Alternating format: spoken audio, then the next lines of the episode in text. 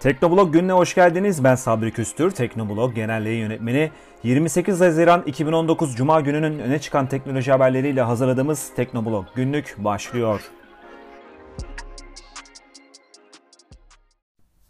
İlk haberimiz Apple'dan. Apple'ın baş tasarım sorumlusu olan Jonathan Ive şirketten ayrılıyor. Bu durum aralarında iPhone'un da bulunduğu teknolojinin en etkili ürünlerinden bazılarını hazırlamak için harcanmakta olan mesainin sonuna gelindiğini gösteriyor. Johnny Ive Apple'daki resmi görevinden ayrılarak kendi tasarım şirketini kuruyor. Bu şirketin ana müşterilerinden bir tanesi de Apple olacak. Şirketin adı Loveform ve Ive'a yeni girişiminde ünlü tasarımcı Mark Newsom eşlik ediyor. İdari yönetici pozisyonuna ayrılmasına rağmen Ive ve Apple bir dizi projede birlikte çalışmayı sürdürecek. Apple CEO'su Tim Cook konuyla ilgili olarak yayınlanan basın bülteninde Apple doğrudan onun özel projeler üzerinde çalışarak ve oluşturduğu mükemmel ve tutkulu tasarım ekibinin devam eden çalışmaları sayesinde Johnny'nin yeteneklerinden yararlanmaya devam edecek dedi. Uzun yıllar birlikte çalıştıktan sonra ilişkimizin gelişmeye devam etmesinden dolayı mutluyum ve Johnny ile uzun süredir çalışmayı dört gözle bekliyorum. Jonathan Ive dünyanın en saygın endüstriyel tasarımcılarından bir tanesi. Çeşitli Mac bilgisayarları, iPhone, iPad, Apple Watch ve dahası onun elinden çıktı. Aynı zamanda şirketin uzay gemisi görünümündeki Apple Park yerleşkesinde o tasarladı. Yakın zamanda Johnny Ive bu yılın ilerleyen aylarında satışa çıkacak yeni Mac Pro'nun tasarım videosunda seslendirmişti. Donanım tasarımına ek olarak Ive Apple'ın yazılımının yeniden şekillendirilmesi için de çalışmıştı. 2013'te kapsamlı bir yenilemeden geçen iOS 7'nin arkasında o vardı. Benzer bir çalışmayı şimdi macOS olarak bilinen Apple'ın masaüstü işletim sistemi içinde gerçekleştirmişti. Apple, endüstriyel tasarımdan sorumlu müdür yardımcısı Evans Hankey ve insan arayüz tasarımı müdür yardımcısı Alan Dye'ın Jeff Williams'a raporlayacağını açıkladı. Williams bundan böyle zamanının büyük çoğunluğunu Apple'ın tasarım stüdyosunda tasarım ekibiyle birlikte harcayacak. Neredeyse 30 yıl süren ve sayısız projenin ardından Apple'da eşi olmayan bir tasarım ekibi süreci ve kültürü oluşturmak için yaptığımız uzun süren çalışmadan çok gurur duyuyorum dedi Ive. Bugün Apple tarihinin herhangi bir noktasında olduğundan daha güçlü, daha canlı ve daha yetenekli. Ekip en yakın işbirlikçilerim arasında yer alan Evans, Allen ve Jeff'in mükemmel liderliği altında kesinlikle başarılı olacak. En yakın arkadaşlarım olan Apple'daki tasarımcı meslektaşlarıma büyük güvenim var ve önümüzdeki yıllarda da onlarla birlikte çalışmayı sabırsızlıkla bekliyorum. Ive 1997 yılında batmak üzere olan kurduğu şirketine geri dönen Steve Jobs'la yakın bir iş ilişkisi geliştirmekte kalmamıştı. Bu ilişkiyi özel hayatına da taşımıştı. İkilinin birlikte tasarladığı ilk ürünlerden bir tanesi 1998 model iMac olmuştu. Bu da şimdi dünyanın en çok bilinen teknoloji şirketi olmaya uzanan yolda bir başlangıç noktası teşkil etmişti. Ive yıllar boyu Apple'ın en yeni ürünlerinin tanıtım videolarında boy gösterdi. Ancak son zamanlarda videolardaki görünürlüğü azalmıştı. Ancak sesiyle videolara katkıda bulunmayı sürdürüyordu. Cowen adlı finans şirketi tarafından yayınlanan üretim tahminlerine göre Apple iPhone'larının üretim kapasitesini artırıyor. Bunda ABD'nin Huawei yasağının etkisinin olduğu belirtiliyor. Ne var ki üretimdeki artışın oldukça makul seviyelerde kalacağı da tahmin ediliyor. Başlangıçtaki üretim tahminleri 39 milyon civarında sevkiyata göre yapılıyordu. Yeni plan ise 40 milyon birim üretim üzerine yapılmış durumda.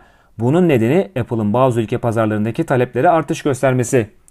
40 milyon olarak planlanan cihaz içinde 30 milyon cihaz iPhone 10s, 10s Max ve iPhone 10'lar modellerinden oluşuyor. Kalan 10 milyon model ise iPhone 7 ve iPhone 8 tarafından paylaşılıyor. Huawei yasağına rağmen analistler politik kararsızlıklar nedeniyle şirketin orta vadede büyük risklerle karşı karşıya olduğuna dikkat çekiyor. Çin'de üretilen bazı donanımlara yönelik vergilerin iPhone üretimini ve satışlarını etkileyebileceği belirtiliyor. Huawei P30 serisi sadece 85 gün içinde 10 milyon satış barajını geçmeyi başardı. Bu serinin P20 telefonlarına göre 2 ay kadar daha hızlı davrandığını gösteriyor. Aynı zamanda Huawei telefonları için yeni bir 3 aylık satış rekoru da kırılmış oldu. Mayıs ayı sonu itibarıyla Huawei toplamda 100 milyon cihaz sevkiyatı gerçekleştirdi. Geçen yıla göre daha hızlı biçimde 100 milyon seviyesine de ulaşmış oldu. Bu da şirketin yukarı yönlü grafiğini gözler önüne seren bir başka işaret oluyor. Bu arada amiral gemisi telefon serisiyle ilgili bir başka haber daha var. Huawei P30 Pro Avrupa donanım ödüllerinde en iyi akıllı telefon ödülünü aldı. Super Spectrum ve Super Zoom kamera teknolojileri yüzü aşkın teknoloji editörü tarafından büyük inovasyonlar olarak değerlendirildi. Sadece bununla kalmayan Huawei, 100 milyon Supercharge ürününün sevkiyatını gerçekleştirdiğini duyurdu. Bunların içinde hızlı şarj teknolojisini destekleyen akıllı telefonlar, şarj aletleri ve taşınabilir şarj cihazları bulunuyor. Öte yandan Huawei Watch GT de kendi satış rekorunu kırdı. Ekim ayında ilk kez piyasaya çıkan cihaz 2 milyon aşkın satmayı başardı. Bu da onu en popüler Huawei akıllı saati haline getiriyor. Şirket ilk 3 ay içinde 5 milyon adet ürünü piyasaya sürdü. IDC'nin raporuna göre bu da yıldan yıla %282'lik büyümeye karşılık geliyor.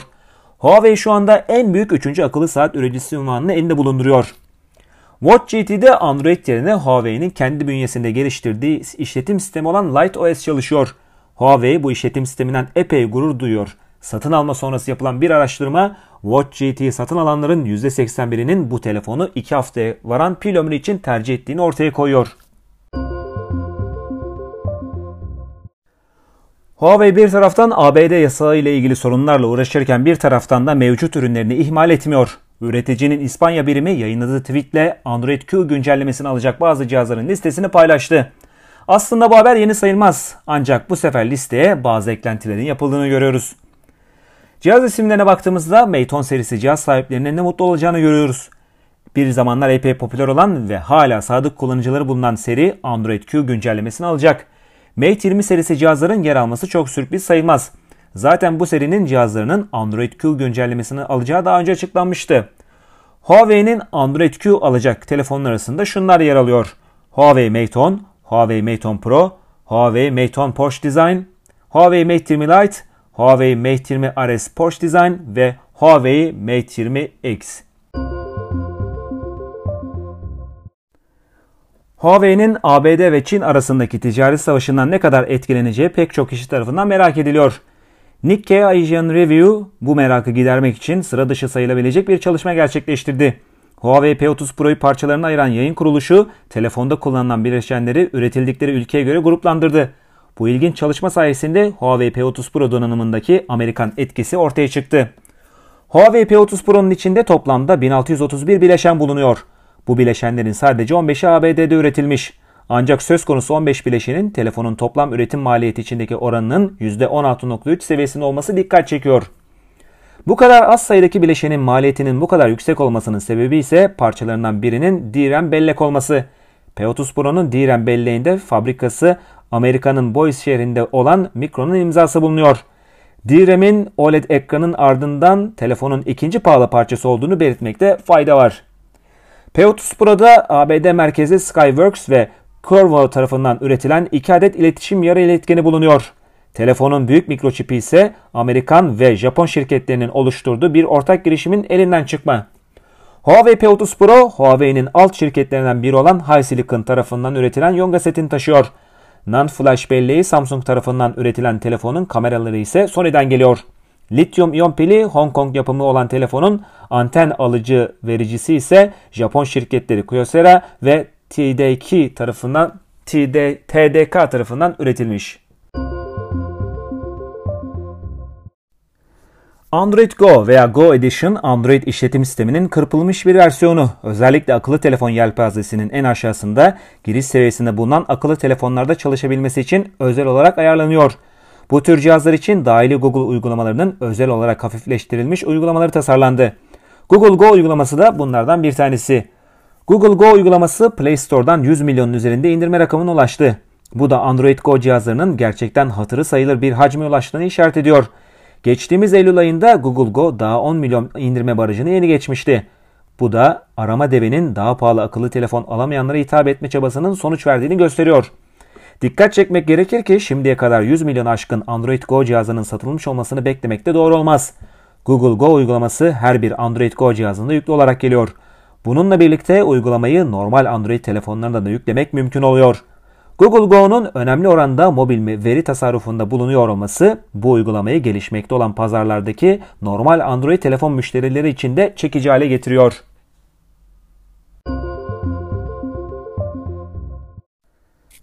Sony Xperia 1 geçtiğimiz Şubat ayında Barcelona'da düzenlenen 2019 Mobil Dünya Kongresi'nde tanıtılmıştı. Mobil cihaz pazarında son yıllarda sıkıntılar yaşayan Sony, yeni amiral gemisinin Avrupa'daki stoklarında da sıkıntı yaşıyor gibi görünüyor. Bu sıkıntının talep yoğunluğundan mı yoksa arz düşüklüğünden mi kaynaklandıysa şu an için bilinmiyor. Özellikle telefonun mor renkli versiyonunu bulmanın oldukça zor olduğu belirtiliyor. İngiltere'de Xperia 1 stoklarının tükenmeye yakın olduğu ifade ediliyor. Amazon'da telefondan sadece birkaç adet kaldığı da söyleniyor.